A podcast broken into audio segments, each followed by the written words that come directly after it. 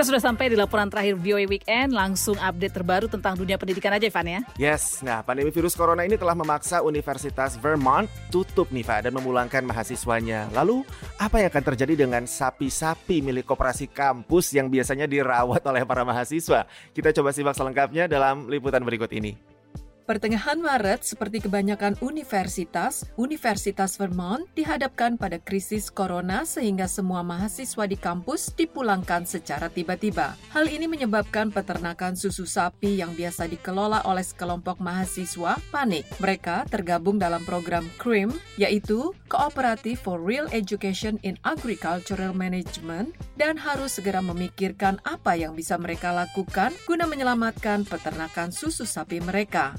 Beruntung, universitas ini memiliki sekelompok siswa yang bersedia mengulurkan tangan di masa sulit ini. Para siswa sukarelawan ini datang ke peternakan dan memerah susu sapi dua kali sehari. Kemudian memberi makan sapi dan anak-anak sapi, juga membersihkan kotoran di lumbung dan membantu persalinan setiap saat siang maupun malam. Penasehat fakultas dan dokter hewan Dr. Steve Wadsworth sangat menghargai dedikasi para mahasiswa sukarela ini dan mengatakan They stepped in and have done an unbelievable job. They show up on time.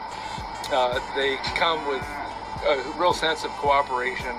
They um, they are working together with mutual respect. They're here from early in the morning for morning milking into the evening. There's not a birth of a of a calf that is. Mereka masuk dan melakukan pekerjaan yang luar biasa. Mereka datang tepat waktu dan bekerja sama yang secara nyata, serta saling menghormati. Mereka ada di sini dari pagi hari untuk memerah susu hingga malam hari. Tidak ada kelahiran anak sapi yang tidak diawasi mereka.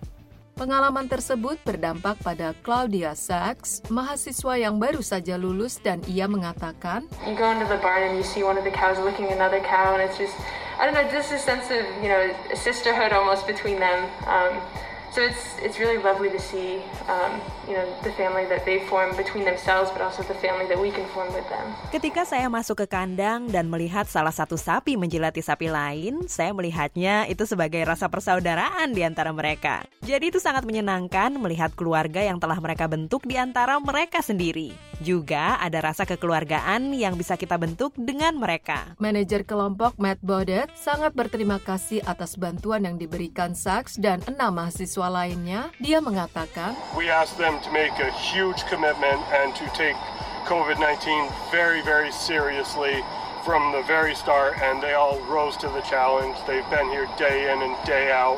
They've had positive attitudes. They have really, really um, shined in every single way possible. Kami meminta mereka untuk membuat komitmen besar juga dalam menjalankan protokol COVID-19 secara serius sejak awal. Dan mereka semua menjalankan komitmen serta aturan itu dengan serius. Mereka ada di sini setiap hari. Mereka memiliki sikap positif. Mereka benar-benar mengerjakannya dengan senang hati dan dengan segala cara. Bodet menjadi emosional ketika dia memikirkan usaha dari para mahasiswa ini. And I'm, I'll, I will never forget them. They've been sorry.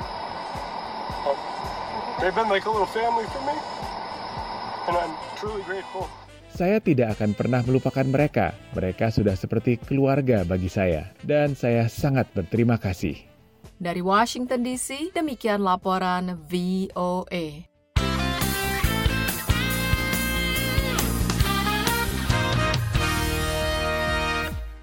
Baik pendengar, sampai di sini dulu VOA Weekend kita kali ini. Jangan lupa untuk terus menyimak laporan-laporan feature kami di akhir pekan yang ringan tapi berisi. Bisa lewat radio-radio kesayangan Anda atau juga lewat berbagai format media sosial kami di website, podcast, dan banyak lainnya.